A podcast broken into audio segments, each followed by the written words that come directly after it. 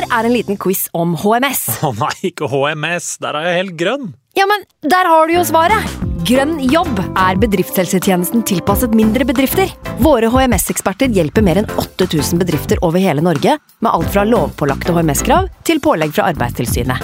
Få på plass bedriftshelsetjeneste på grønnjobb.no.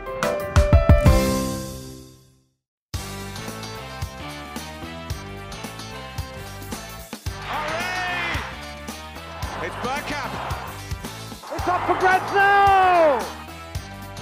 The next station is Arsenal.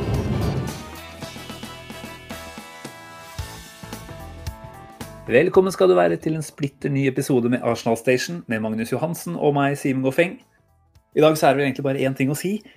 Ja da! Vi tok United.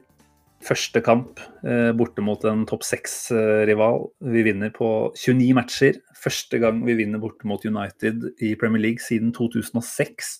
Dette her, Magnus, det her var helt nydelig.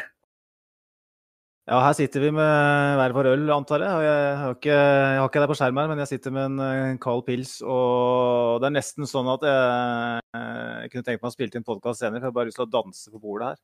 For det, det, er, fem, det er nesten seks år, en seksårsnatt når det gjelder eh, det å, å ta tre poeng borte mot, eh, mot en topp seks-rival. Så det, det, føltes nesten som å vinne noe litt større. Så Ja.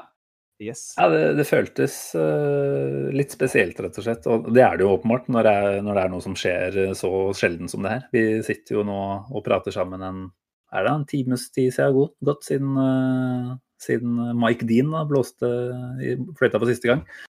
Så at vi har landa på noen måte, det vil jeg ikke si. Dette her er noe vi kommer til å ta med oss i noen dager framover. Da. Men eh, jeg vet ikke hvor vi skal begynne, om vi bare må liksom starte med den euforien du sitter med. Eh, Er det bare sånn kort oppsummert, hvordan så det ut i kjellerstua hos eh, herr Johansen da vi både skåra mål og, og siste fløytesignalet går? Altså, det er en fireåring som ligger oppe her og prøver å sove, så jeg kunne jo ikke begynne å, å slå i vegger og, og sånt noe. Men eh, strippe kan du jo. Du kan jo kaste deg ut, og du kan uh, finne deg en øl og bøtte nedpå. og Du kan, uh, men jeg må innrømme det at uh, det mest det mest animerte øyeblikket var vel kanskje når Aubameyang skulle ta det straffesparket. For da, da gikk jeg rundt eh, som en støl gammel 80-åring og, og var, jeg var så redd. Jeg gikk billøs fram og tilbake i rommet her. Jeg tenkte at det her, den må sitte. Den Ja. må sitte. Og det, det gjorde den. Eh, tankene glei tilbake til uh, Wembley uh, under uh, første sesong i Emery, når, eh, når han bomma på straffespark på slutten der. Det, det er kanskje litt dårlig gjort, men du, jeg sitter med sånn følelsen når Aubameyang skal ta sånne viktige straffespark. Uh, Bare, bare pga. den ene, ene gangen. Han kan fort bomme her, liksom. Ja. Når den satt da, så var det jo ned i knestående, selvfølgelig. Jeg vet ikke om eh, du og Henry, eh, hunden Henry, eh, logra begge to. Lille Henry var eh, faktisk i drømmeland eh, inntil eh, det ble mål. Jeg satt med min lillebror ved siden av, og vi klarte jo selvfølgelig ikke å holde igjen. Så Henry ble rykka ut av drømmeland og var vel litt sånn halvveis misfornøyd med akkurat det. Men når han fikk litt ekstra godbit når kampen var slutt, så da, da tenker jeg at han var fornøyd totalt sett. da. Men nei, vi, vi jubla godt, og det ble klaska i, i never. og det, dansen lot vente på seg for så vidt da, til, til etter kampen. Men uh, for det, Nå skal vi snakke mer om alt av innhold, selvfølgelig. Men uh, jeg satt jo fortsatt og var litt bekymra. Hva er det vi har i vente de siste 20 her? Men uh, ah, hei, fy fader. Dette her smakte så sinnssykt godt, altså. Det er, eh, det er så mange grunner til å være positive etter dette her. Eh, Resultatet er en ting, prestasjonen er en eh, vel så viktig ting. Og, og det vi disker opp med fra, fra start i dag, eller det Arteta da, disker opp med, det, det står til ti i stil. Altså vi, måten vi angriper den kampen her på, syns jeg. Men igjen, det skal, vi, det skal vi snakke mer om neste timen, tenker jeg. Skal vi egentlig bare starte med lagoppstillinga? Hva, hva syntes du om de elleve vi fikk eh, servert eh, en time før kampen her? Jeg syns det, var, eh, jeg det var veldig interessant at, at Granit Xhaka ikke starta. At El Mm. Fikk lov til å starte sammen med Thomas-partei Partey, da, som, som, som måtte starte. Um, jeg kjøper ikke at han er sliten etter en hjemmekamp mot Dundalk. uh, i midtuka. Eh, så jeg så jo at den egyptiske Den Nilsson da fikk, eh, fikk tillit. Um, jeg har ikke vært den største fan av han, men jeg, samtidig så tenkte jeg at ja, kanskje, kanskje, er det noe i det. At en, en Granit Xhaka at det går litt for treigt. At det er mm. eh, en spiller som på en måte i en, en mellomfase for Teta er veldig nyttig å ha. Som, som nærmest en som kontrollør på midten. Eh, mm. Som sørger for at ting henger sammen. Men at på sikt så vil den bevege seg mer og mer bort fra han. Kanskje nå allerede med Thomas Partey inn, så begynner vi å se at Sjaka ikke lenger er like, like viktig. Og jeg syns i dag mm. så er det vanskelig å si at, eh, at det er noen årsak til at vi, at vi vinner uh, kampen. Men Elneni var jo jeg synes det var veldig veldig bra. Vi skal jo ja. selvfølgelig innom Partey etter hvert, men uh, Elneni var uh, Overraskende bra, kan man jo kanskje si, da. med tanke på at vi Men ja, eller kanskje ikke. Altså, vi har jo ofte snakket om han som en litt sånn seks til sju av ti-spiller som stort sett gjør en ganske grei innsats. Og, og, det er jo det han gjør i dag. Han er uh, et arbeidsjern. da, En skikkelig bikkje på midten, vil jeg si. Um, så kan vi jo godt uh, skryte av hele, hele, laget i dag, men, men det Elneni da holder på med på overtid og presser uh, to-tre United-spillere på egen hånd. og altså, Bare at han har maskina til det, men også forståelsen av hvordan han skulle dekke de rommene for å presse riktig. Det syns jeg var, eh, det var ganske rått å se på, faktisk. Eh, men eh, ja. nei, han, han, var en overraskelse, så jeg må si det. Jeg tok det liksom for gitt at Chaka er den go to person i, i, det laget her omtrent. Men uh, Arteta var jo tydelig på det når vi fikk inn Partei, at det, det, tillater oss å være mer fleksible, så trodde jeg ikke nødvendigvis det var sånn her det ville slå ut. Men når det blir sånn det blir, så kan vi ikke si annet enn det funka som bare det. Uh, Eleni var mobil og ganske fin i pasningsspill, vil jeg si, det meste av kvelden. Så jeg tror Arteta er veldig godt fornøyd, åpenbart, med, med laguttaket sitt. I tillegg så ja. Jeg må bare si med Elneni før vi går videre, at eh, det er flere anledninger hvor han faktisk tar med seg ball eh, ganske langt stykke, og ikke bare slår den på tvers eller bakover. Eller enkel eh, tremeterspasning fremover. Så han tar med seg ball, eh, kommer seg foran eh, f.eks. For Pogba, da, som virka å ha litt, eh, litt vann i støvla. Så veldig, veldig positiv eh, opptreden. Og hvis, hvis, du skal bygge en, en, en, elver som skal være et, et lag, så, så, må du ha noen eh, water carriers òg.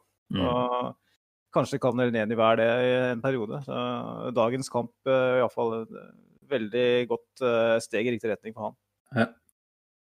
Andre steder vi Jeg vet ikke om vi stussa, jeg. Altså, Bukayo var jo egentlig en vi håpa på i startoppstillinga, så kan vi kanskje si at jeg ønska han på en venstre kantrolle heller enn en venstre wingback-rolle. Men når vi spiller som vi gjør i dag, så, så er det vel det nærmeste man kommer, da. Eh, man kunne jo kanskje sett for seg at en Maitland Niles, som har blitt brukt på en wingback, eh, venstre wingback i en del av disse tøffe storoppgjøra, eh, kunne kommet inn igjen her. Men han, han, benkes jo da på nytt. Det er jo noe, det er for så vidt et eget tema, hvordan Maitland Niles blir benytta om dagen. Så vi avslo et ganske solid bud sannsynligvis fra Wolverhampton, og kanskje andre òg, i sommer. Jeg tror jo at vi gjorde det i mente ved å faktisk skulle bruke han mer enn vi gjorde, da. Eller har gjort det nå.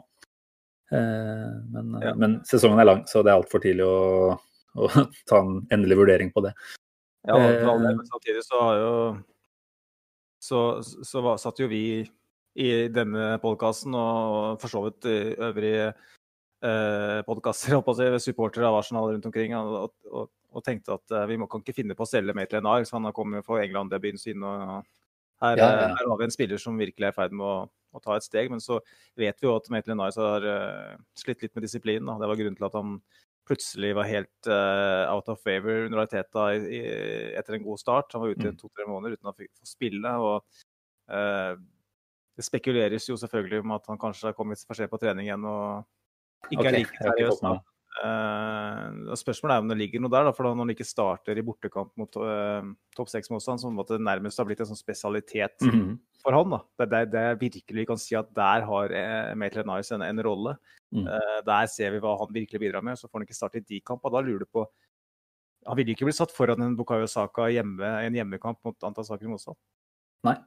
Nei. Vi får konse på de som var hovedrollene i dag. Og så får vi vel snakke litt mer om Aitlen Niles sin situasjon om noen uker, når vi kanskje har litt mer eh, informasjon rundt det. Eh, andre ting som eh, du beit merke i i startoppstillinga, jeg tenker det er vel ikke noen overraskelse at vi stiller med de tre på topp, som vi gjør. Eh, Arteta har vist at han har tillit til William. Eh, åpenbart at han har tillit til Lacassette. Eh, jeg jeg syns at det er på en måte litt synd at vi ikke får se Aubameyang i den midtspissrollen uh, i dag heller. Altså jeg tror uh, kanskje, i hvert fall når vi får et mål, da, mot, uh, selv om det tok 70 minutter ca., så, så er en Aubameyang i Lacassette sitt sted noe som ville gjort oss umiddelbart hvassere framover, da. Men, men det, det er noen gang sånn at han stiller med Lacassette i en litt dyp spissrolle. Eh, William på høyre. Eh, vi kunne kanskje håpa på en PP der. Men eh, jeg vil i hvert fall si at i dag så syns jeg William er en god bidragsyter i det defensive. Eh, tar med seg ball og sånt noen ganger oppover, men alt i alt en litt, litt kjedelig opptreden kanskje fra han, da. Så han gjør en jobb i dag, og det, det skal han ha. Ja, jeg syns William spiller sin Ja, det er klart den Fulham-kampen blir jo stadig nevnt, da, men jeg føler jo at, at den har blitt hypa litt, den prestasjonen òg. Det var to målgivende, ja, men uh, jeg syns det var mot en veldig svak motstander. og Jeg, syns det er den beste, kanskje mest oppløftende kampen av William så langt. da. Uh, jeg syns han spiller ganske bra, egentlig. og uh, Kombinerer fint med Beirin på høyresida der. og Kanskje mangler litt grann på den killer-pasningen som vi savner litt i hele laget. At han tar litt mer dristige valg av og til. Mm. Ellers så syns jeg, som Ariteta sa nå i, i midtuka, så William hadde ikke noe god pre uh, ordentlig preseason. Og han, uh, han, han, slet litt med å finne rytmen foreløpig, da. Så vi får kanskje Jeg har vært veldig kritiske til han på den podkasten her, men uh, vi får prøve oss å gi den i noen uker til før vi begynner å rasle med sabler osv. Jeg er enig i det. Dette er ikke en kveld for å fokusere for mye på det som ikke funker optimalt. For det er, er veldig veldig mye positivt å ta tak i. Skal vi bare starte med førsteomgangen? Altså de, vi går ut og er dominerende, rett og slett. Gjenvinningsspill og intensiteten vi utviser i, i det, det er ganske solid. Borte på Old Trafford, som er selvfølgelig en av de mer frykta arenaene. Om enn ikke så skummel uten fans. Men men vi går ut og tar, tar totalt grep i første omgang eh, om kampen. Eh, mye bevegelser, det er mye energi, rett og slett, føler du. Så at Arteta kommer inn med en veldig klar plan da, for å stoppe det som nå hadde blitt Solskjær sin foretrukne diamantformasjon der, 4-4-2 i en diamant, som funka bra mot Leipzig i midtuka, og som kanskje nå mange tenkte at var det som har tatt United rundt hjørnet igjen og sørga for at de er i en god flyt. Og så, så tar Arteta rett og slett en litt sånn, vil jeg kalle en taktisk knockout, altså, på, på Solskjær. Med det han viser, og hvordan han får Arsenal til å spille i første omgang. Og det er jeg veldig glad for, fordi jeg har vel vært blant Solskjærs største kritikere. Og jeg er veldig, veldig lite imponert, egentlig, over mye av det han har fått til har sett på og ser på han som en ganske begrensa taktisk uh, trener. Uh, så det ville vært vondt å måtte bite i eplet og sett at uh, han tok innersvingen på Arteta. Jeg syns ikke han var i nærheten av det. Egentlig ikke kampen gjennom, selv om de hadde et, si, et litt mer positivt utgang på, på andre omgangen. Men nå er det første gangen vi snakker om, og der var, der var vi klart best. Hva sitter du igjen med? Vi har det samme. Jeg syns vi har veldig mye bra energi i, i spillet vårt. Uh, vi snakka litt om det valget å, å benke Sjaka og få inn Elneni som partner. Jeg syns begge de spillere er veldig gode i, i gjenvinningsfasen. Stuper i press, uh, og det får med seg William, får med seg Tini, får med seg Behrin. Um, United-spillere som de siste kampene har skal jeg si, har lyktes veldig godt med det de har gjort. De har skåra fem mot Leipzig i Champions mm. League i midtuka. Vinner borte mot PSG. Det er jo det er toppkamper, og det her er jo en toppkamp. Og jeg tenkte kanskje at, at en, en Solskjær har knekt litt koden, da. Mm. Eh, jeg ser jo på Twitter at det skrives om at nå, nå har vi liksom funnet den diamantformasjonen som funker så godt. da, mm. og Får best ut av Rashford. og Men eh, du tar jo av Bruno Fernandes der, ikke sant. Eh, en eh, Rashford får ikke til eh, noe som helst. eh. Det, det er spesielt den første gangen, selvfølgelig, som du sier. Så, så sier jo Solskjær i intervjuet etter kampen at den var liksom ikke, hadde ikke helt møtt opp til kamp, og sånn, men det må jo, må jo gi Ariteta honnøren for det. For det er jo Arsenal som virkelig møter opp. Og Mm. er så aggressive og er, har så mye energi i spillet sitt som gjør at de ikke finner rytmen. Mm. Og da, da blir det som du sier. Um, en mann vi som Arsenal-fans har veldig trua på, som sier de rette tinga, og som virker oppriktig som en veldig genuint smart eh, manager. Eh, tar innersvingen på en som vi ikke har trua på. Eh, vi snakka mye om, eh, om Lampard og Solskjær som to eh, opp, eh, opphaussede managertyper som Mariteta lett skulle ta innersvingen på eh, hvis den får litt tid. Og som du sier, eh, det hadde vært veldig vondt i dag hvis eh, Solskjær hadde eh, totalt utmanøvrert eh, en Arteta. Ja, det hadde jo rett og slett vært skuffende, så, så det er veldig godt å se. Men, men det er klart man har enkeltspillere i det United-laget der som er knallgode, rett og slett. Eh, Så det er aldri noen garantier for at man, eh, for at man kan stå imot det. Men, men taktisk-messig så, så vil jeg si at det var eh, nivåforskjell på det som ble levert utpå der fra trenerne, altså, rett og slett. Mm. Eh, man kan godt si at Arteta til tider kanskje kan være litt for smart, og kanskje også være litt vel det er litt vanskelig å forstå også for egne spillere, men, eh, men i dag så virka det som de hadde eh, full forståelse for, eh, for hva Arteta ønska å få til. Og jeg syns vi bare må gå rett i gang med å rose og fullrose Thomas Partey. Altså. Det, det han holder på med på midtbanen, egentlig kampen igjennom, det er, det er helt rått. Han var helt sjef. Overalt var han. Altså, hva er det ordtaket de kommer med? At 70% av eh, jordens overflate er dekket av vann, og resten er dekket av XXX. Og den passa fint på Partey i dag, altså. Han, eh, han var helt enorm. Eh, Pasningsspillet er jo en fryd. Det defensive, det er bunnsolid. Det er et par ganger han mister baller i litt farlig posisjon, og da er han med en gang tilbake og sørger for at det blir retta opp i. Da. Så vi håpa jo på at vi hadde fått en, en ny midtbanesjef, og det her tyder jo virkelig på at vi, vi har fått mye av det vi ønska oss. Da. Ja, det er som uh, Hedley på Twitter eh, skriver til oss, at Thomas Party for en mann. Og det er jo rett og slett eh, så enkelt kan det sies. Og det er eh, han, eh, han Han er så mye mer progressiv da, i, i stilen, selv om han på en måte er henta inn som med det ryktet om at han kommer fra et Simione-lag, et disiplinert, rigid eh, lag. eh, eh, med en veldig sånn klar instruks om å, om å vinne baller og, og, og ha først og fremst et ansvar defensivt. Men han, han gjør jo så mye bra over hele banen, syns jeg. da. Altså, han, mm. jeg har sett litt på tallene rett etter kamp her, og han slår jo 13 pasninger inn i den siste tredelen. Som er tolv av dem eh, treffer medspiller. Det er kun Pogba som har, har flere Mm. og, i, i kampen. Eh, han, han, de pass, han er veldig fremoverorientert. Eh, Han eh, kommer foran mann og tar, er veldig orientert, altså han, han er gjerne orientert når han tar mål. Han tar gjerne bare én eller to touch. Han, han, han, i, I motsetning til de fleste andre midtbanespillere så tar han aldri for mange touch. Da. Det er mitt inntrykk så langt. Og i kveld det er jo et kremeksempel på det. Eh, Alt han gjør er veldig effektivt.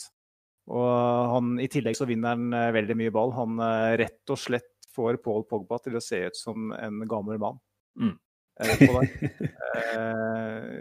Ja. Nei, ekstremt eh, oppløftende kamp av Thomas Partey. Endelig kan vi Mm. bruke party time-begrepet. Ja, det har jo blitt brukt en del, men vi kan godt Jo, men nå eh, kan vi bruke det med, en litt annen form. Nå handler det ikke bare om en sånn forventningsgreie. Og, nå, er det, nå gikk han ut der og hadde fest, altså. Mm. Hva er det de kaller Ja. Ja, fortsett. Nei, så, hva er det de kaller en sånn type på engelsk? Er det focal point, er det ikke det? Altså en, eh, en eh, bauta, jeg vet ikke hva det blir direkte oversettelse, men du opplever jo at han rett og slett har en tilstedeværelse da, på midten der. Han, han Midtsirkelen og si, de neste 20 meterne i radius, det, det er hans område. Han, han bor der, og han eh, lar ingen komme på besøk omtrent. Der er det én som, eh, som rett og slett har bestemt seg for å å eie da, eh, midtbanen. Og det, det, det er innstillinga hans. da. Det, han er en Du opplever at han er en vinnertype. Altså han er en Jeg vet ikke hvor vi skal liksom karakterisere han i forbindelse med andre, andre Arsenal-spillere, men Arteta Nei, unnskyld. Vieira har vært uh, nevnt. og jeg, jeg, får den følelsen altså, når jeg ser at han har et driv med ballen ikke sant, som ikke er uh, så dumt nødvendigvis heller. Han har en pasningfot som stort sett uh, sitter der den skal. Det er det mest komplette, tror jeg, som vi har hatt på midtbanen der på årevis. Eh, det er tidlig, jeg veit det, men jeg er kjempepositiv til det vi ser her. Ja, vi snakka jo i mye i sommer om uh, å få inn en spiller som kan ta med seg ballen gjennom, gjennom ledd. Da. Og uh, kanskje var ikke Thomas Party den første vi tenkte på når det, sånn offensivt sett, men så har vi sett på tallene, selvfølgelig, som, for de som har hørt på denne podkasten her.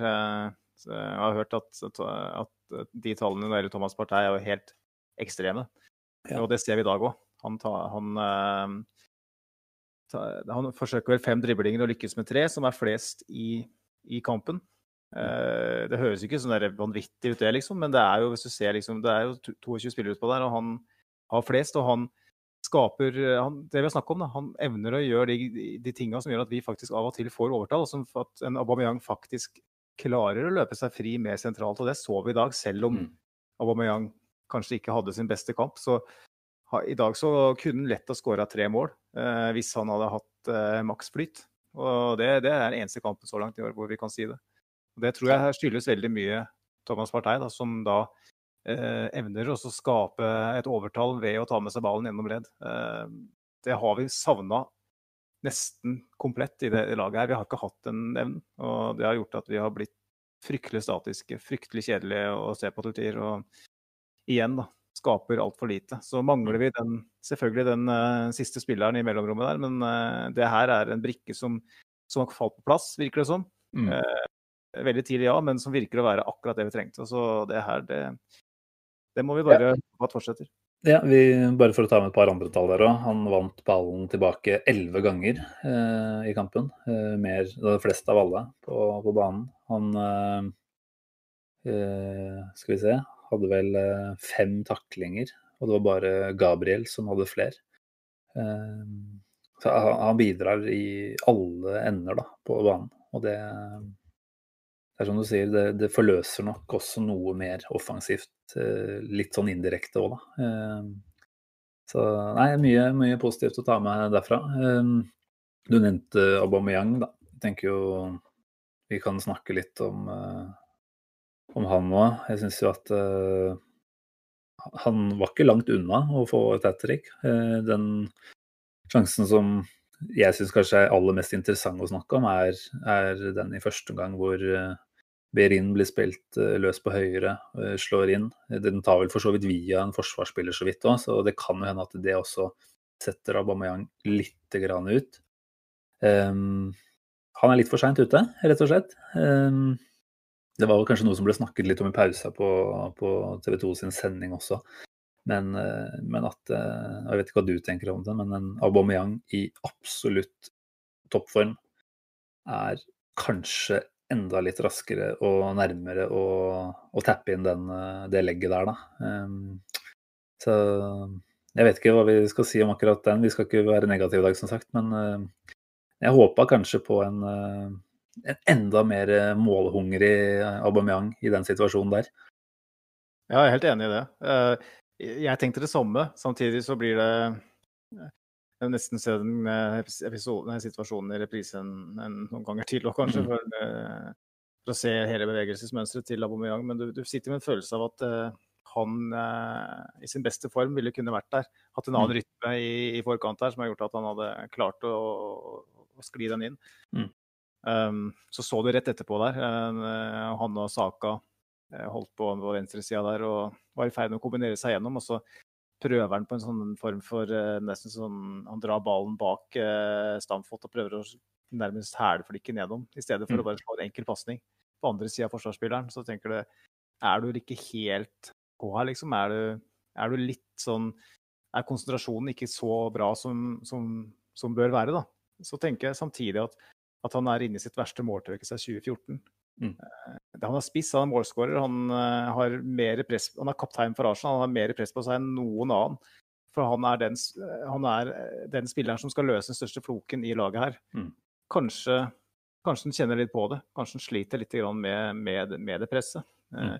Så får vi kanskje håpe at, at det straffesparket han fikk i dag, da, som satt veldig godt, kan være med å løsne litt opp Mm. i, i det. Eh, og i dag, som sagt, så kommer han til eh, Jeg vet ikke om, tallene er så veldig gode for han, men du ser jo at han kunne ha skåra to-tre mål hvis han hadde hatt maks flyt, og da, og da tenker jeg at da er vi på rett vei.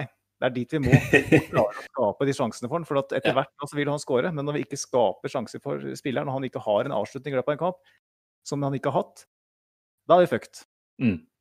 Ja, og, altså, vi, vi spiller borte mot United, eh, forrige sesongs eh, tredje beste Premier League-lag. Så å snakke om at han kunne skåre hat trick på en eh, optimal dag, da, da høres vi jo plutselig litt, eh, litt lite takknemlig ut. Så vi skal være meget godt fornøyd med at han uh, skåra solid da, på den straffa som han fikk. Eh, skal vi kjapt bevege oss over til andre omgang. Eh, vi kom ut eh, etter pause, og det var tydelig at United sannsynligvis hadde fått en ganske klar tilbakemelding fra Solskjær om at dette holder ikke. Så de gikk ut med litt mer på the front foot. Eh, Jeg tror kanskje Arteta også venta det og var tydelig på at eh, gutta, nå, nå er vi komfortable med å ligge litt, eh, litt tett bakover en liten stund nå. Og det, det syns jeg vi gjorde ganske, ganske pent, rett og slett. Det var ikke noe, hvis jeg ikke husker feil, så var ikke det noe farligheter fra United den første halvdelen av andre omgang. Så en kontrollert eh, åpning for vår del der. Um, du får hjelpe meg, Magnus, hvis det er noe jeg glemmer. Men eh, skal vi hoppe videre til straffesituasjonen, hvis ikke det er noe annet eh, som er vel diskuterbart før det? Nei, altså vi tar det jo kronologisk, som du sier. Så er det for så vidt naturlig å ta, ta straffesituasjonen nå, som helt klart var eh, riktig. Jeg må jo berømme Bellerin, som tar det løpet. Mm. Som gjør at en Pogba eh, i en litt stressa situasjon velger å kaste seg litt etter den der og, og, og treffer den på, på hælen og, og lager eh, straffespark. Det var eh, eh, Mike Dean som eh, var vår mann i dag. Det har vel nesten aldri blitt uttalt før. Nei, det er første gangen, tror jeg. Eh, Kanskje, kanskje har det skjedd en gang før, men det er i hvert fall ekstremt, eh, ekstremt sjelden. Så det var helt eh, klokkeklart. Og Mm. da, da har vi 1-0, og som en på Vi hadde vel en lytterreaksjon på Twitter som vi kan ta med der, fra Norwegian eh, Gunner, som eh, stiller spørsmålet og hva er denne følelsen av automatisk å tenke at dette kan gå når vi går i ledelsen? Ja, det er ikke ofte vi har kjent på den. Jeg kjente ikke helt på den, men eh, du var ganske trygg. Nei, jeg er ikke trygg. Det, det, det, jeg føler meg aldri trygg når vi leder med et mål.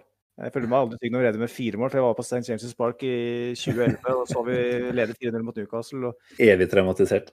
Evig traumatisert. Eh, Sånn ettertid så er det morsomt å ha vært der på en måte, men ja, det var krise. Men derfor så føler jeg jo, eh, når det gjelder Arsenal, at man alle skal føle seg helt trygg, da. Men med den, eh, det solide fundamentet som Mariteta har bygd eh, defensivt og kollektivt, så, så følte jeg på lik linje med Norwegian Gunnar at ikke at det kommer til å gå, men at det her kan faktisk gå. Hvis vi bare fortsetter å gjøre det vi har gjort, og ikke begynner å stresse og ikke gjøre feil. da. Og vi hadde ikke Louise eller Mustafi og sånn på banen, som på en måte er de som gjerne gjør de feila. Eh, og ja, da, da følte jeg at uh, det her kan faktisk gå. Selv om vi må jo innom Mike Dean igjen. fordi at eh, Gabriel gjør jo faktisk en feil som Mm. kunne ha tapt oss den kampen. Uh, og vi har rett og slett griseflaks som Ja. ikke er teamet han der. Det må jo såpass ærlig må vi være. For de som eventuelt hører på podkasten som er United-supportere, så det er sikkert kanskje én. Så, så må vi si til deg at uh, der, var vi, der var vi heldige. Men hvor mange ganger har vi fått de, kanskje ikke nødvendigvis tvilsomme, men i hvert fall eh, Vi har fått så mange av de motsatte eh, servert i fanget, og særlig Paul Trafford, og ofte av Mike Dean. Så, så at vi for en gangs skyld har litt flyt på den fronten der, det, det syns jeg faktisk helt, er helt på sin plass. Altså. Helt enig, Simen. Altså der, eh, Der, der er vi på linje. Vi kunne brukt en hel episode på å snakke om uh, situasjoner hvor, hvor, vi har fått uh, gule kort, røde kort, uh, annullerte mål, et eller annet piss som har hindra oss fra, fra solide skalper på bortebane mot storlag. Så... Det, er jo, det er neste episode, det, Simen. Men jeg tenker at, at det er verdt å bare ta en læresetning her, og det er at vi vi vinner borte på Old Trafford. Vi får straffespark. United får det ikke, og Mike Dean dømmer i vårt favør. Det, det, vil si at vi kommer til å våkne nå i løpet av noen minutter og svette og veldig misfornøyde med at det her faktisk bare var en drøm. Det er 2020, mann. Det er helt på linje med alt det sjuke som har skjedd i år. Så nei, dette er ingen drøm. Dette er helt ekte. Jeg håper det. Eh, vi kan jo bounce innom en annen situasjon hvor noen kanskje vil si at vi var litt heldige. Eh, innlegg fra Uniteds høyrekant som eh, tar borti El Neni. Som styrer ballen videre i huet på Leno, og deretter går den i stolpen og ut, heldigvis.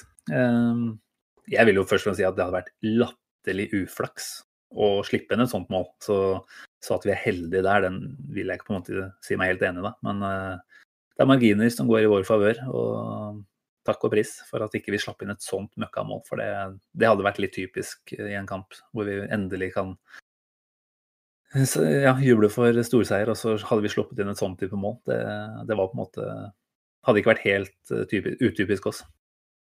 Nei, det hadde jo vært uh, så typisk som det er mulig å bli.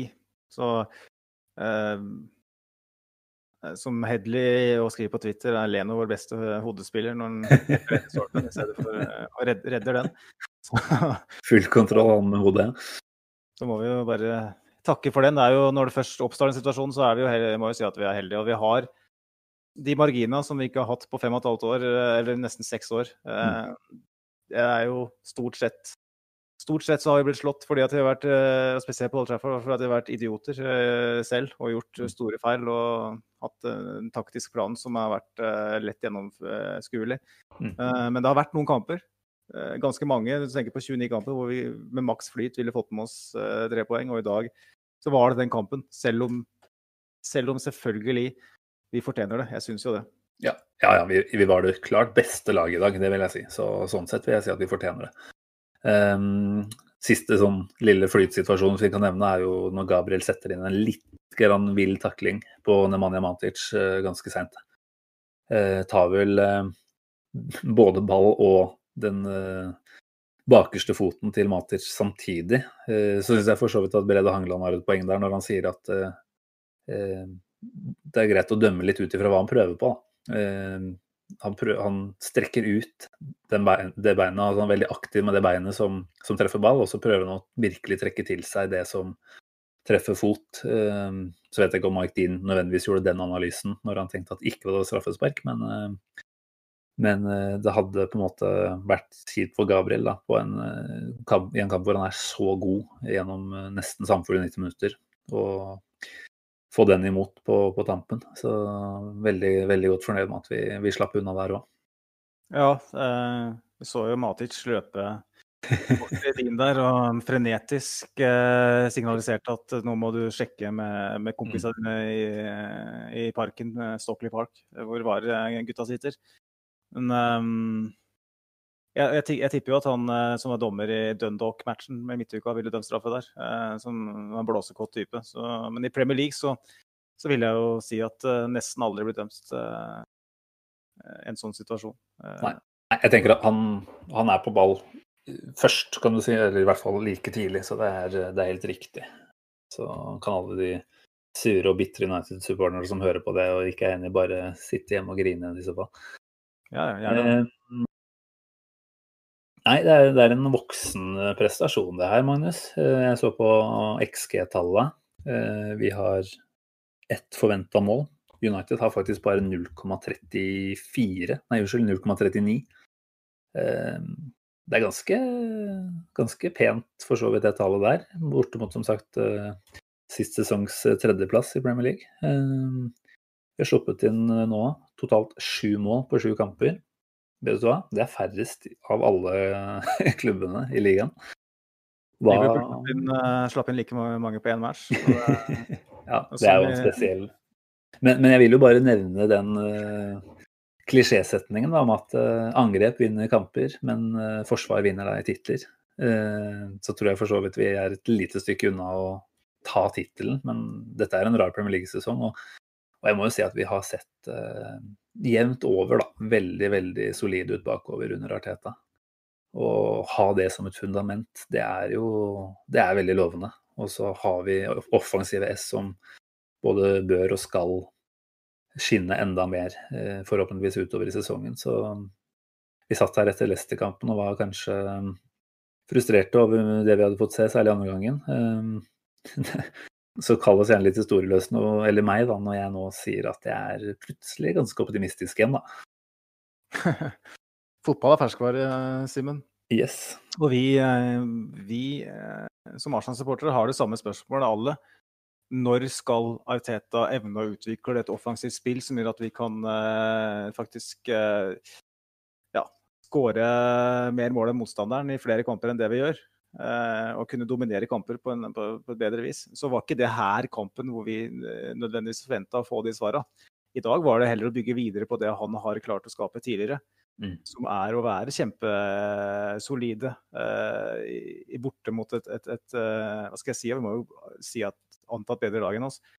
Uh, å være konkurransedyktige og til og med klare å vippe det vårt favør og være bedre enn dem fra et taktisk perspektiv. Mm. Men samtidig så syns jeg i dag i større grad vi ser et mer offensivt uh, mønster. Jeg syns vi er mer mm. ambisiøse i det vi gjør, spesielt uh, med en Thomas Partey på midten som klarer å, å skape overtall. Mm. derfor så syns jeg fremdeles at juryen er ute når det gjelder uh, det der mm, offensive samspillet vårt. Det å klare å utvikle et offensivt spill i større grad. Men at dagens kamp allikevel sier at Arsenal i de store kampene er bortimot friskmeldt, faktisk. Mm. Nei, Det er en vågal påstand, men eh, jeg vil jo absolutt si at du, du får støtte på det. Altså, ja, det er jo verdt å si at vi har spilt borte nå mot topp tre fra forrige sesong. Vunnet én, tapt med ett mål, tapt med to mål. Det er, eh, vil jeg si, godkjent. Med unntak av det vi kanskje forhåpentligvis kan kalle et arbeidsuhell mot Leicester, så er det egentlig en sesongstart som er bortimot optimal, altså. Altså, ja, altså Ikke spillemessig nødvendigvis, men, men, jeg tenker at dette er en rar sesong på så mange måter. Da. Så det å hente resultater, eh, det er, eh, det er jo åpenbart eh, alfa og omega. Og jeg vil jo ikke si at borte mot City og Liverpool var noe annet enn en tap, på en måte det jeg forventa. Så, så, når vi selvfølgelig går på den Leicester-smellen, så er det kjipt. Men og så vil jo tida framover vise om det er et arbeidsuhell, eller om det er noe det blir flere av. Men, eh, men, når vi da går hen og vinner Paul Trafford, så, så ja, da, da, glemmer jeg på en måte den prestasjonen i langt større grad. Da, og er plutselig ganske så positiv med tanke på det som eh, er i vente. Men, eh, men det er jo som du er inne på, det er kanskje allerede en kamp som, som mot Esten Villa i neste runde, hvor vi kanskje skal bli enda litt klokere igjen da, på hva er det Arteta egentlig er i ferd med å skape også på litt andre områder av spillet. Ja. Eh, jeg tar på meg den der lykkepillehatten din, da, for du har jo vært en positiv i, i den podkasten her. Og si at etter sju kamper Nå har ikke Tottenham uh, spilt ennå, jeg gidder ikke å følge med på den mens vi, mens vi snakker. Men uh, per, 90, per uh, siste fløyteblås i, i, den matchen vi har sett nå, så ligger Arsenal ett poeng bak andreplassen i Premier League etter å ha spilt bortimot både United City og Liverpool. Mm. Og da tenker jeg at en sånn kokosesong som vi er inne i nå, hvor eh, alle slår litt alle og sånn, eh, så har vi klart å holde skuta flytende i en veldig tøff periode. Mm. Hvis Ariteta nå klarer å utvikle den delen av spillet som vi helt åpenbart mangler, så er vi i rute og, og vel så det. Nesten foran skjema, på en måte. Um, Oi, nå, nå, skjønner jeg ikke hva som skjer, Magnus. Hva er det du driver med? Altså, du, du gjør noe med meg nå når du er så positiv. Jeg føler jo at, uh, at vi egentlig er egentlig i rute. Jeg, i, mm.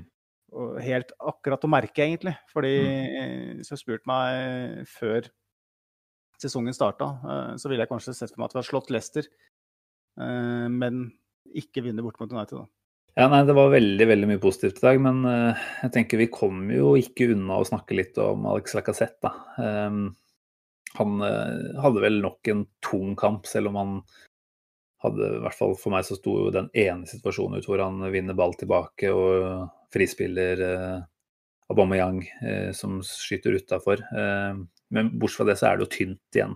Um, det er godt mulig han gjør det Arteta ønsker at han skal gjøre i, i stor grad, men, men for, som en spisstype, uh, og for en spiss som Lacassette, som er avhengig av å skåre mål og som å ha god selvtillit, uh, så ser jo det her ganske tungt ut om dagen. Det gjør det. Uh, jeg fikk en, fikk et, en reaksjon på Twitter som vi kan ta med oss, fra Ola Sandbekk. Han skriver først at det er en utrolig godt uh, gjennomført kamp da, og viktig seier, bare for å ikke male Ola her som en sånn uh, negativ type. Men han skriver òg at om Melaka spiller midtspiss i neste match, så skjønner jeg ingenting. Bidrar mm. minimalt til det som er det viktigste i hans posisjon, og skaper målsjanser. Og det, det, er jo på linje med det vi tenker. Altså, altså han bør jo kanskje først og fremst skåre mål da, når han spiller en rolle, men han, han, han tar jo på en måte en for laget ved å, å gjerne være en, et oppstillingspunkt og hva skal jeg si, binde opp uh, motstanderen som gjør at en Aubameyang eller en William da, uh, skal kunne skjære inn fra sine respektive sider. Mm. Men jeg syns jo at han spiller mye bedre i dag enn mot Leicester, da. Det må jeg si. det skulle ikke mye til. Det er Man får ballen i beina, så så er, det virker som han har blikket Det er uh, veldig ned mot ball. Det, han virker ikke orientert. Han, han, strever veldig for å få kontroll på den kula. Og Så ender det med at han får en litt dårlig touch, og så, og så lager han et frispark. Uh, jeg føler det er, det, det er det vi har sett nå i kanskje tre-fire siste kampene. En historie som gjentar seg i, i ulik styrke, for så vidt. Men, men, i all hovedsak så ser det ganske likt ut. Altså, han skåra i tre på rad, og så har han nå gått siste fire ligamatchene uten, eh, uten å skåre. Det er um, hjemme mot Aston Villa kanskje en type kamp, håper jeg, at vi kunne testa ut Aubameyang på topp. da. Eh, Daska på med en 4-3-3 igjen og kanskje kjørt inn Ceballos i en litt mer offensiv. Og da, da trenger vi kanskje ikke at vi har en, en dyptliggende spiss som uh, fungerer som et oppspillspunkt i, i samme grad. Eh, det får, det får Arteta finne ut av. Nå velger jeg å stole på han, jeg. Men uh, det, er litt trist å se at Lacassette sliter så mye som han gjør. Altså. Og så skal han ha for at han holder humøret oppe og jobber på, da, som du sier, tar en for laget. Og det er det aller viktigste. Altså, så lenge laget vinner, så tenker jeg vi for så vidt eh, får si oss enige. Men, men, det er bekymringsverdig å se hvor, hvor, tungt det går for han om dagen. Altså, tempoet hans er det er ikke det vi kanskje hadde håpa på. Ballfølelsen og rett og slett uh, spillfølelsen hans, den, den, virker borte, altså. Ja, det, han, hadde, han har slitt med dårlig sjøltillit veldig, veldig lenge. Han mm. uh, hadde jo den perioden nå i, i fjorårssesongen hvor han hadde et måltørke som var Jeg husker ikke hvor lenge det var, men det var veldig langt. Så fikk han den skåringen mot Newcastle hvor han skjøt via sitt eget bein. Eh, og folk tenkte at nå, nå, løsner det, men han fortsatte jo bare på samme vis, egentlig. Mm. Og um, virker som, som både fysisk eh, og mentalt mangler ganske mye per nå, da. Og fordi at den Og jeg lurer jo litt på, da, og nå, nå kanskje kommer den negative hatten på igjen, men grunnen til at en Eden Ketia ble så eh, foretrukket av, av Arteta eh, etter at han kom tilbake fra det utlånet i Leeds, var kanskje like mye fordi at han så at Lacassette ikke lenger hadde det som skulle til, eller på det tidspunkt, tidspunktet i hvert fall ikke hadde det som skulle til. Og han tenkte at da må vi bare prøve noe annet. Mm. Få inn en Ketia, for jeg vil ha opp på venstresida. Mm. Uh, og så ser vi jo nå at, eh, at det kanskje ikke har funka optimalt heller, da, ettersom Lacassette får starte de kampene her. Da. Nketia eh, er jo en spiller som alle ser mangler en god del i i den oppbyggende fasen. Og han er jo åpenbart en, en, rev i boksen. Rundt hønseburet så er han jo livsfarlig, men som spiss i den rollen her, så må du ha så mye mer. Eh, mm. og da, da, da, kommer vi jo på en måte til det springende punkt da, hvor du tenker at er det Så lenge Aubameyang ikke er ansett som et alternativ, må vi da faktisk allerede i januar, hvis det er midler, begynne å vurdere om det er noe annet der ute. Mm. Det er litt brutalt, men uh... på, på, en dag som det her, så er det brutalt, men jeg tenker det er uh, godt mulig at vi i løpet av noen få runder igjen sitter og prater om hvor håpløst det var at ikke vi skapte nok sjanser og satte de sjansene vi fikk, og skylder på at Lacassette var mannen som fikk de. Så det er nok en problemstilling som kommer til å dukke opp igjen, dette her, altså. Eh, kan vi selvfølgelig håpe at en noe mer ja, en, et Aston Villa på hjemme kanskje er en kamp han kommer til enda flere sjanser og sånt i selv, da. Men det er godt mulig at han hadde sett Ja, jeg veit ikke. Jeg, jeg, tror kanskje jeg er litt for håpefull her når jeg tenker på at noen mål igjen bare ville vært det som skulle til for å sørge for at selvtilliten og han fungerer som det skal igjen. For det, det er som du sa, det er noe vi kanskje trodde skulle dukke opp etter, etter Newcastle-målet, da, som du snakka om, og det, det, skjedde jo ikke.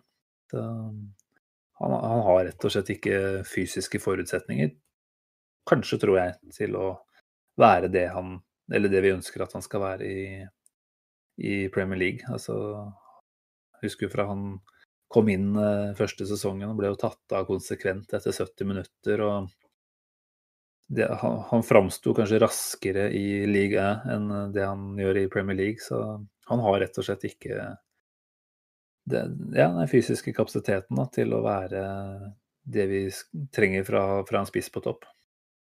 Kan, nå stiller jeg et spørsmål til deg. Mm. Kan uh, Gabriel Martinelli være en mulig løsning fra, mm. fra nyttår?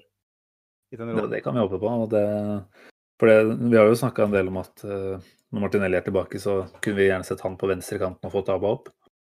Men uh, den Martinelli som herja aller mest i fjor høst, det var jo spiss-Martinelli. Mener jeg husker i hvert fall. Jeg tror han var noe mer skal vi si anonym når han ble satt på venstrekanten. Og så var det for så vidt kanskje litt enklere kamper ofte da, med, i Europaligaen og Carling Cup. Han herjer aller mest på spiss, men, eh, men, at han har en, eh, en, eh, en nier i seg, det, det tror jeg, altså. Og en ganske moderne nier sådan. Altså en plagsom Louis Suárez-type med, med, et skikkelig killerinstinkt foran mål. Virker det som, i hvert fall. Han minner meg faktisk litt om Litt grann om Aguero, på et vis. Um, mangler en del i Hva skal jeg si? Ja, ball retention, da. Uh, som du ser i City. Altså, han er ekstrem på hele veien, klarer å ta det rette valget med ball. Mm. Men når du ser liksom på den touchen inn i boksen, liksom, evnen til å orientere seg før motta ball og bare mm. dra av en mann og banke inn i vinkelen. God på hodet, god med begge bein. Mm. Uh, alltid en trussel med hele veien. Um, så, så, er det en type jeg helt klart ser at uh, fra mine begrensa fotballkunnskaper jeg si, Men uh, mm. jeg, jeg, jeg syns jeg ser veldig mye av han som kan bli en, en bra spiss. Da. Men så må vi jo mm. kanskje huske på at Arteta, når Ariteta kom inn, så ble jo Martinelli brukt ganske lite, egentlig. Han, ja. han fikk jo den kampen mot Chelsea hvor han, uh, med ti mann han skåra det målet og sånn, men han, han, fikk jo liksom ikke så mange sjanser under Ariteta. Jeg tror Ariteta prøvde å skape det, det, prøver han for så vidt på fortsatt òg. Skape et lag som har litt mer kontroll. Som har en, et fundament og en, en kollektiv tankegang som gjør at vi ikke er så sårbare. Da. Som gjør at vi er det laget i Premier League med færrest innslupne mål osv. Mm. Uh, en Martinelli er jo et spiller som uh, spiller på mye høyere risiko. Uh, og det er en sånn spilletype vi savner, da, egentlig. Så er mm. spørsmålet om Teta er villig til å, å, kaste den inn der, da. Så får vi håpe òg at han etter en så alvorlig skade klarer å komme kjapt tilbake. For det, mm. som vi sa litt i, i, forrige episode, at det er litt urimelig å forvente at han skal gjøre veldig mye denne sesongen her. Ja, jeg tenker det er mer å håpe. Det er så enkelt som at han må tas i, med silkehansker nå. fordi du vet at en, en, sånn type skade som han har vært ute med, det, det medfører påfølgende muskelskader. Og, og belage seg på at han kommer til å være noe annet enn en supersub i beste fall, det tror jeg er, det tror jeg er veldig optimistisk. Så, og han har en alder som også tilsier at han ikke kommer til å bli kasta inn. Vi ser jo at Arteta i all hovedsak eh, lener seg på de mer rutinerte. Eh, så det ville, det ville nok overraska veldig om han kommer inn og blir en, skal vi si, en, en brikke å regne med uh, utover denne sesongen her. Uh, men vi ser at han var tilbake med, uh, med trening med ball her nå forrige uke, vel. Så, så, at han nærmer seg å kunne være en del av en kamptropp i Europaligaen, jeg regner med at han er i europaligatroppen.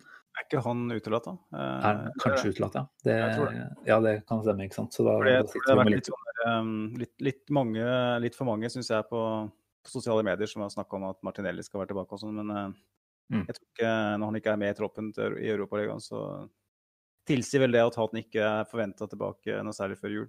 Sånn i, Nei, det høres det, det, det, er greit. Men uh, Simen, hvis du snakker om det der med å lene seg på erfaring uh, Vi ser jo at William igjen får sjansen, at Lacassette fortsetter på topp. Det har vi allerede vært innom. Men uh, har jo, jeg har jo blitt glad i å bruke begrepet 'elefanten i rommet'. Det er kanskje fordi det har vært litt for mye dyreparker med dattera mi siste åra.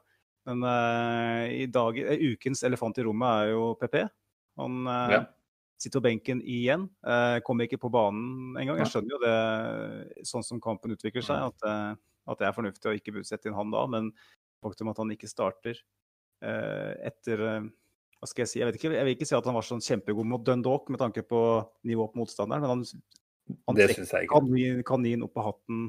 Der òg. Han, han, har jo den magien hvor han den dragninga utafor 16-meteren der Eh, og så mm. bruker, bruker liksom mm. høyrefoten, som hans, ikke er hans foretrukne fot, og bare køler den opp i krysset. Så ser du at ja, det var lekkert, altså. den X-faktoren da, som vi mm. ikke har når Martinelli er skada, som vi åpenbart. Og så er PP kanskje den eneste spilleren vi har da, som har den egenskapen. Um, og han igjen blir, uh, blir vraka, da. Så ja.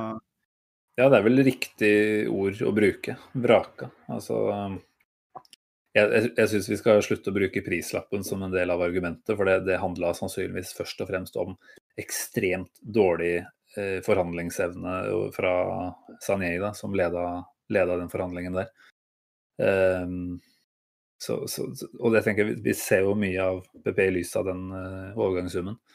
Uh, hadde han kommet inn for 35, så hadde vi selvfølgelig også tenkt at han var en vi burde kunne håpe å se enda litt mer fra. Men uh, Nei, han eh, Jeg, var ikke overraska egentlig over at han ikke starta i dag. Og sånn som kampbildet utvikler seg, så har jeg forståelse for at han ikke kommer på. Så jeg tror igjen så her må vi være tålmodige og se det over et, eh, et lengre tidsrom, da. Men det er ikke noen tvil om at Arteta ikke stoler fullt og helt på PP. Det, det, er ikke noe å legge skjul på nå. Men uh, ja, jeg, jeg, tenker at PP er en som vi skal kunne dra nytte av, forhåpentligvis i mange sesonger. Så jeg er ikke villig til å kalle han en elefant i rommet helt ennå, altså. Nei, det er kanskje å dra det langt, det, da. Men um, Jeg tror i hvert fall mye av grunnen til at vi gjør det, er prislappen hans. Og den syns jeg egentlig ikke vi skal uh, måtte la være et argument i, i vurderingen av han. Nei, altså På et eller annet tidspunkt så vil det jo, vil det jo bli det. altså Uansett om han kosta 72 millioner pund, om han hadde fått den til hva skal jeg si, mer, mer beskjedne si 40 millioner pund, da. Mm. så er det fremdeles en, en, en, spillertype som det laget her har savna, som vi betalte masse penger for, som ikke klarer å etablere seg i laget, til tross for at alternativa ikke presterer all verden. Eh, så um, jeg syns, ikke pris, at, Alle vet at prislappen var for drøy. Men allikevel eh, Kaliberet eh, kalibre som spillertypen PP har, da, gjør likevel at uavhengig av prislapp, så forventer du mye mer av det han har vist så langt. Jeg syns den Dundalk-kampen er et godt bilde på det, egentlig. Han, så der møter du altså, Det er liksom snakk om at han derre Gartland, som het han stopperen. Liksom. Han, ble, han, hadde jo, han, hadde jo, nakken til Rooney, da, men uh, bortsett fra det så var han en pubspiller. Uh, han liksom snakka om at oi, se, se, hvor bra han spiller, liksom, se hvor solide de er defensivt og hvor smarte de er. Liksom. Men det her er faen meg Dundalk, altså. Et lag som Molde vinner bortimot. Du kan ikke komme og fortelle meg at, eh, at vi, skal, altså vi, skal, sitte og si at ja, Dundalk var såpass god at PP ikke kom til sin rett. Liksom. Her, må, her, må, du inn og herje. Her må du inn og vise virkelig hva du er i stand til. Og når, når du ikke gjør det, så tenker kanskje Ariteta som så at nei. Og hvis, hvis, han har gitt den den gulrota, da sier at kom deg ut, nå møter du et lag, nå skal du gå ut og være best i banen her, liksom. Mm. Og han er ikke i nærheten av, av å være det. Nei. Eh, så, men det er klart, han, ikke, han, han ble bytta etter, etter 60 minutter i den kampen. Og folk tenkte at han skulle være, være med. Han sitter på benken i dag. Joe Willoch var kanskje den beste spilleren på banen. Han var ikke, ikke i kamptroppen i dag. Reece Nelson hadde en god kamp, han var ikke i kamptroppen i dag. Så det, det kan jo tyde på at Arteta er såpass edruelig at han tenker at Dundalk det er Vi kan ikke begynne å trekke konklusjoner ut fra en kamp mot et så svakt lag heller. Så Nei. kanskje skal vi ikke lese for mye inn i akkurat, akkurat den kampen nå. Nei, jeg skjønner jo at du tar opp, uh, tar opp temaet PP. Og det, det, er nok noe som blir veldig spennende å følge de neste ukene framover. Uh, nå, nå, tipper jeg jo at vi kommer til å se en fullstendig rotasjon igjen mot Molde på torsdag. Og da er vel PP sannsynligvis omtrent det samme laget som spilte mot Dundalk, er vel på plass igjen da. Og så har vi, har vi en gjeng som er ganske, ganske godt uthvilt mot Esten Villa til helga.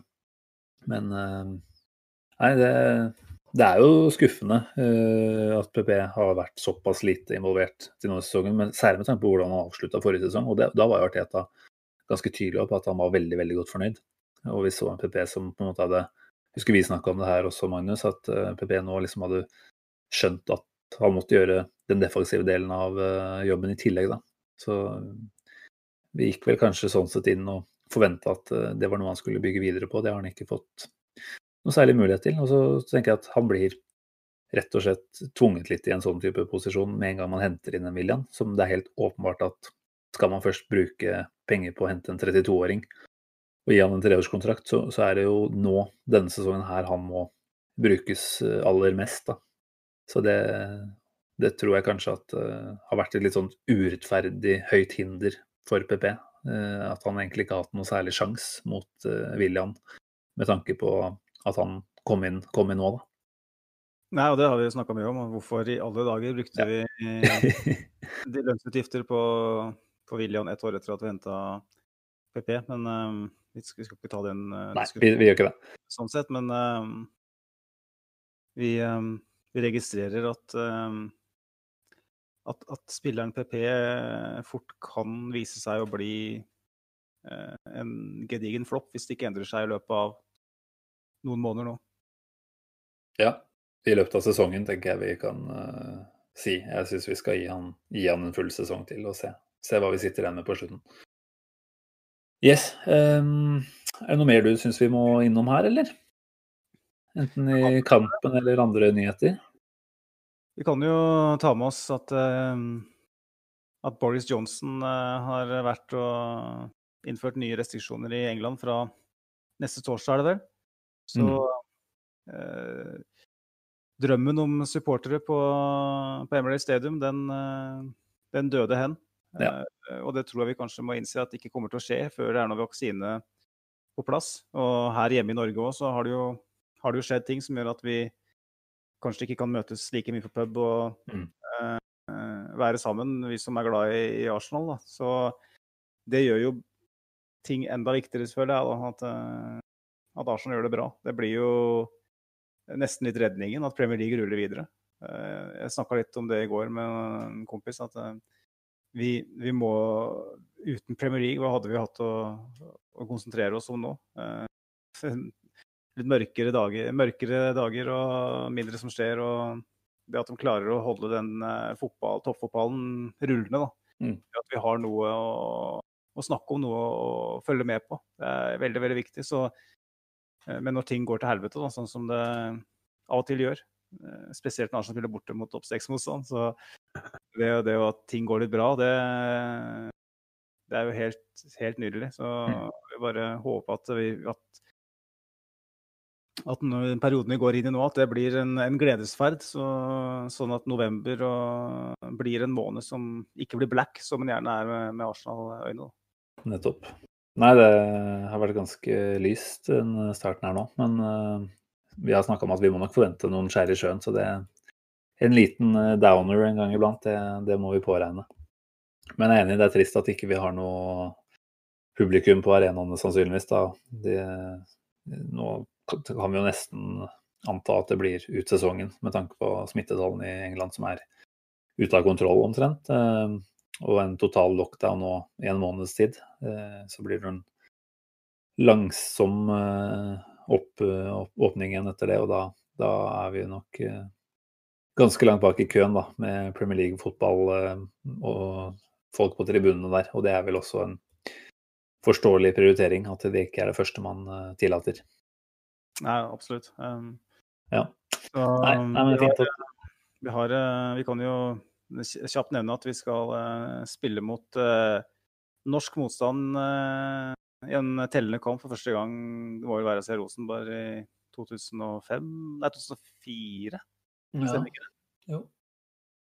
Ja, vi spilte mot Viking i en treningskamp, og det teller vel ikke? Det er ikke en tellende kamp, nei. Så det blir jo omtrent like lenge siden vi vant en bort, borte mot topp seks-motstand. Så det er mange barrierer som skal brytes denne uka. um, tenk, Molde hadde jo faktisk en veldig god kamp da, mot Rapid Wien, som vi slet, mm. slet, litt mot. Tror du at Molde kan uh, skape trøbbel for oss på Emirates? Eh, ja. Kanskje de får noe innside fra Solskjær på Nei, da blir det for så vidt innside på hvordan, hvordan ikke slå Arsenal, da. Så det vil de kanskje ikke ha. når, når, han ringer eh, Er det Erik Moe eller noe sånt og sier du, Erik, det, vi, har noe, vi, har noen tips til hvordan dere kan angripe Arsenal, så sier Erik nei, Ole, hold kjeften. Dette her gidder jeg ikke høre på. Kanskje gi eh, Molde såpass at vi bruker Erling som er rett til fornavnet hans, da. Erling er det. Sorry. For mye. Men uh, Wolf Eikrem er jo i kalasform. Ja, han er fin. Men uh, satser på at vi klarer å uh, nøytralisere han. Ja, nei, Vi snakka om Rapid Wien som det nest beste laget i gruppa. Eller i hvert fall det jeg sa når vi starta bort mot dem. At da gjør vi oss sannsynligvis ferdig med den vanskeligste kampen. Det er ikke sikkert det, altså. Molde er et, det er et godt lag. De vant vel en i Tippeligaen nå i dag og har vel en ganske god run de siste månedene. Så, så det kan hende at Arsenal-spillerne kanskje får seg en liten overraskelse. Hvis de, ja, både hvis vi roterer hele laget, så sender vi jo noen signaler om hvordan vi anser motstanden kanskje som. Da. Ja, det er jo det, det, vil jo bli oppmerksomhet rundt det. Det er jo veldig synd at vi ikke kunne vært oppe i Molde i, i den neste kampen og eh, mm. hatt en skikkelig solid fest med alle deilige folka i, i Arsenal Norge osv. Men, men det blir vel er det sånn at det blir 600 tilskuere på den kampen? I Molde? Det blir Siden det er eh, Uefa som er arrangør, og ikke i Eliteserien, da. Nei, det, det vet jeg ikke, men uh... det, var, det var i hvert fall det som var meninga før, ja. uh, den, før uh, hva skal jeg si, ja, før midtuka nå, hvor det begynte å komme nye restriksjoner. Ja, ja, nei, vi får se hva det blir. Men det, det, så jeg har en kompis som er Molde-supporter.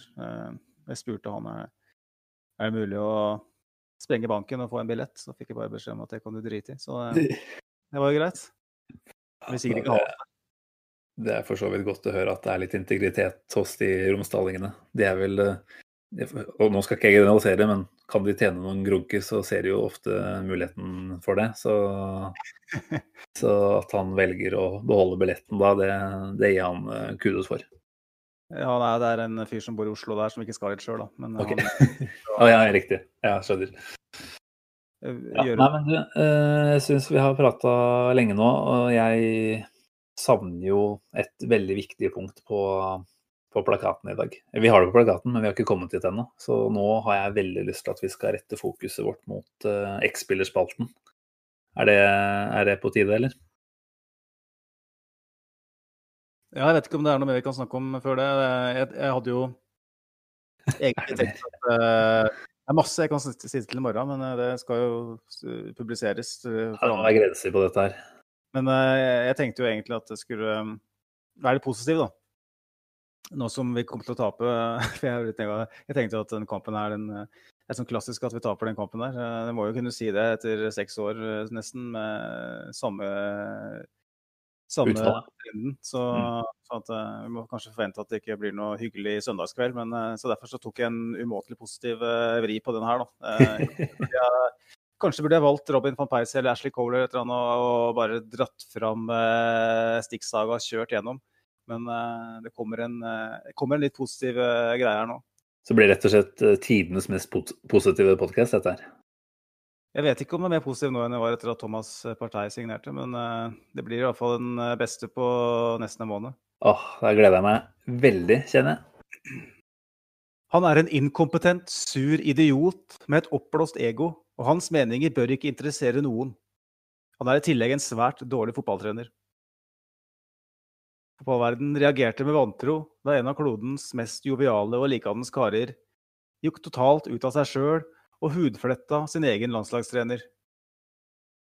Dog kunne den treneren få både Tor Warhaug fra etaten og Bjarne fra Sesam stasjon til å spikke balltre.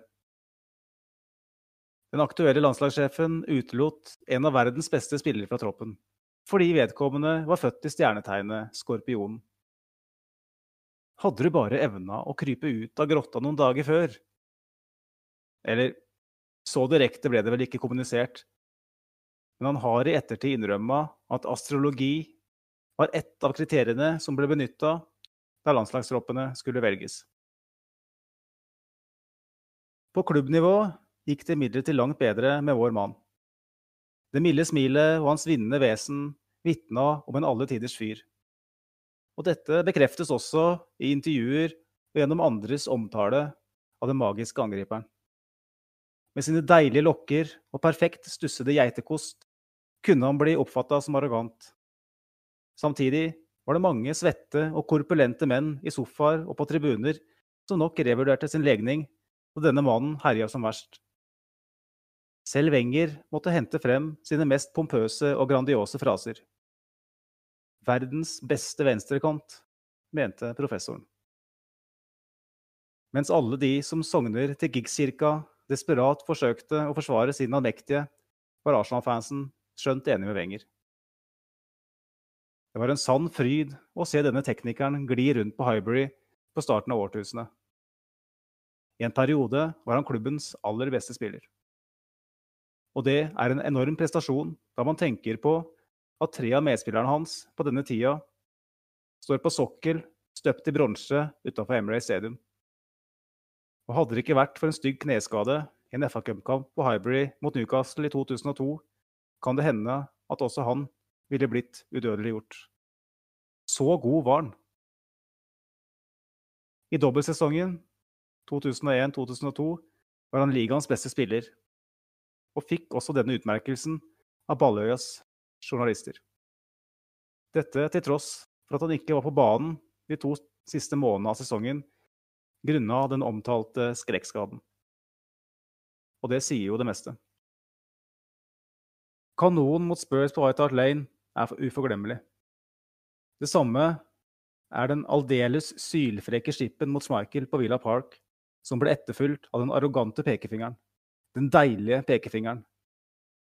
Likevel, det var først og fremst den fremragende spillet hans som huskes best. Han var oljen i maskineriet da Bergkamp ikke lenger kunne det være, det hver eneste uke.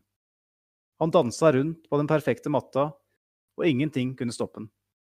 Konstant i bevegelse, alltid tilgjengelig. Jens Lehmann satte alltid i gang kontringer ved å kaste kula til dagens X-spiller. Han var involvert over hele bana og utvikla et fantastisk samarbeid med spillerne rundt seg på banen. Arsenals venstreside på denne tida var et unisont frykta våpen, og denne mannen var selve limet. Vår mann var selvsagt også en del av The Invincibles, og helt klart en av de viktigste spillerne også da. Men han ble aldri helt den samme etter kneskaden. I stedet utvikla han seg til en slu rev rundt hønseburet, og ble vel så mye en målgjører som en kreatør. Han skåra 14 ligamål i tre sesonger på rad, og er vel kanskje den største måltrusselen vi noensinne har hatt fra midtbana. I tillegg viste han seg som en mann for de store anledninger, og skåra bl.a. vinnermålet i FA-cupfinalen i 2003. For lillebror oppe i gata var han også et evig horn i siden, og dette bidro selvsagt til en enorm heltestatus. Hadde det ikke vært for de omtalte spillerne som er foreviget i bronse, ville statusen kanskje vært guddommelig. Men hans exit i 2006, etter å ha blitt ofra av Wenger i Champions League-finalen, da Lehmann ble utvist, gjorde tortien trist. Eksisterte muligens en viss bitterhet fra vår manns side, men i ettertid har vi sett han bryte brød og begrave øks med Wenger. Han har etter hvert blitt en av klubbens fremste ambassadører, og snakker alltid klubbens og spillernes sak. Med mindre man astrologi diskriminerer ham, er det lite sure oppstøt å fremkalle. Smilet og en stusset versjon av lokkene er nå et kjent og kjært syn på London Colony, hvor han ofte trener sammen med laget. En ekte Arsenal-mann som trolig bor i ei brakke på treningsfeltet. Det kan i hvert fall virke sånn.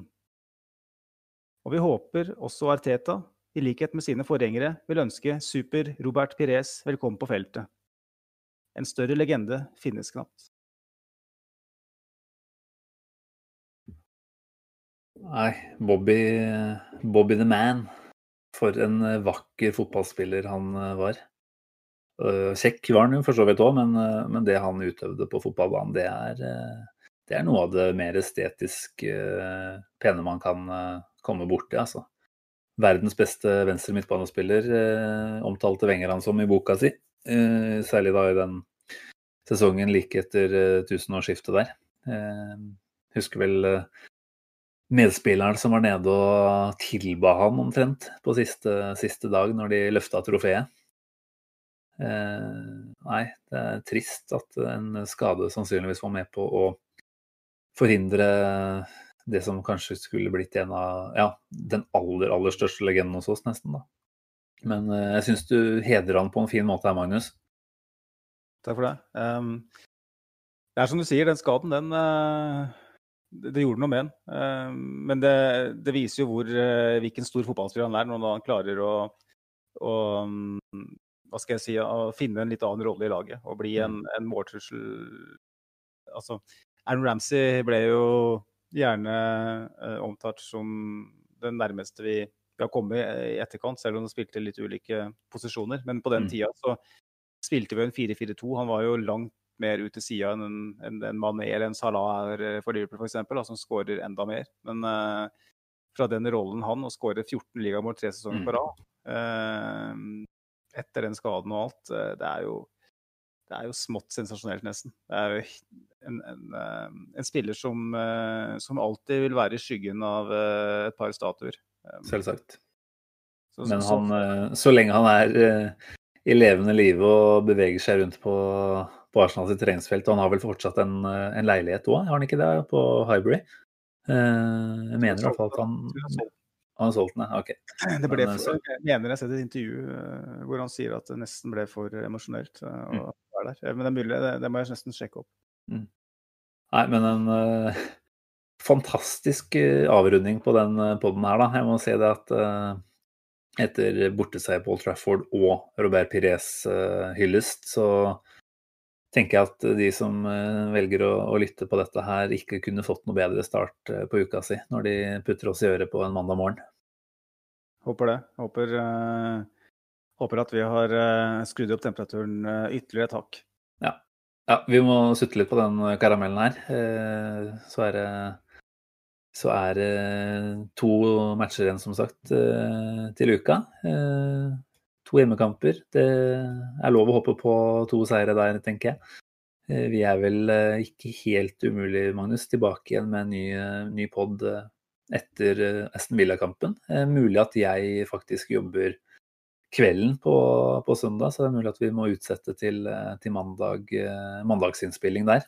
Men vi håper allikevel at det blir, eh, det blir mye å prate om, da. Vi har jo blitt nesten en tradisjon nå at vi sitter her på søndagskvelden etter, etter en kamp. Så eh, kanskje, kanskje, får vi mer velbegrunnede argumenter hvis vi må vente et døgn. Da. Eh, jeg ja, jeg likte jo, likte jo, ikke nødvendigvis å sitte her forrige uke eh, etter et Leicester-tap. Eh, så det var et eh, sjansespill å velge å gå for en reprise av innspillingstidspunkt. Men når det ble som det ble i dag, så er jeg jo knallfornøyd. Jeg kjenner jo på det. Det er, det er ikke noe som er bedre enn å snakke om en Arsenal-seier, altså. Det er helt uh, fantastisk, spesielt nå som vi lever i en, en verden med litt uh, dyster stemning pga. den uh, velkjente pandemien. Så må vi suge på den karamellen her og satse på at det kommer flere smørbukker fra N5 de neste ukene. Si senior. Nei, tusen takk for laget i dag, Magnus. Jeg har kost meg. jeg syns dette får holde for i dag. Følg oss på, nei, på, Twitter og Facebook, eh, folkens. Eh, søk oss opp der. Og bare for å ta det helt til slutt, så tenker jeg at Simen, at du får ta det famous last words. Jeg tenker vi kan avslutte med å si at uh, hva er Black November? Det driver vi ikke med lenger. Dette her var en uh, fantastisk start på en historisk sett tung måned, så vi, vi gleder oss til fortsettelsen. Vi snakkes i løpet av neste uke, og så ønsker vi bare alle en, en riktig fin Arsenal-uke enn så lenge. Ha det bra.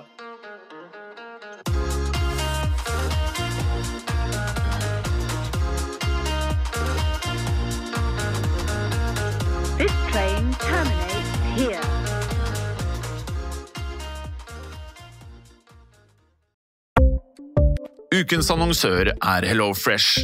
HelloFresh er verdens ledende matkasseleverandør og kan være redningen i en travel hverdag. Mange av oss har nok vandret i butikken både sultne og uten en plan for middagen, som ender med at vi går for de samme kjedelige rettene gang på gang. Middag burde være dagens høydepunkt. Som HelloFresh kan du nå velge mellom 25 ulike retter hver eneste uke, eller få HelloFresh til å sette sammen menyen for deg. Dette gir deg muligheten til å prøve nye og spennende retter alene eller sammen med familien. Du velger antall porsjoner og får alt levert på døren på et tidspunkt som passer for deg. Oppskriftene er enkle, og maten er lett å lage både for store og for små. Ved å få alt levert hjem får du også mer tid til å dele matgleden med familie og venner. Kanskje det frister med asiatiske tacos eller greskinspirert kylling? Da kan jeg anbefale deg om å gå inn på hellofresh.no. Her kan du bruke koden FOTBALL og få opptil 1779 kroner i rabatt på de første fem matkastene hvis du ikke har prøvd Hello Fresh tidligere. Du kan også bruke rabatten hvis du har vært kunde og stoppet abonnementet ditt for tolv måneder siden eller lengre. Gå inn på hellofresh.no og bruk koden FOTBALL. Har du et enkeltpersonforetak eller en liten bedrift? Da er du sikkert lei av å høre meg snakke om hvor enkelt det er med kvitteringer og bilag i fiken, så vi eh, gir oss her, vi. Fordi vi liker enkelt.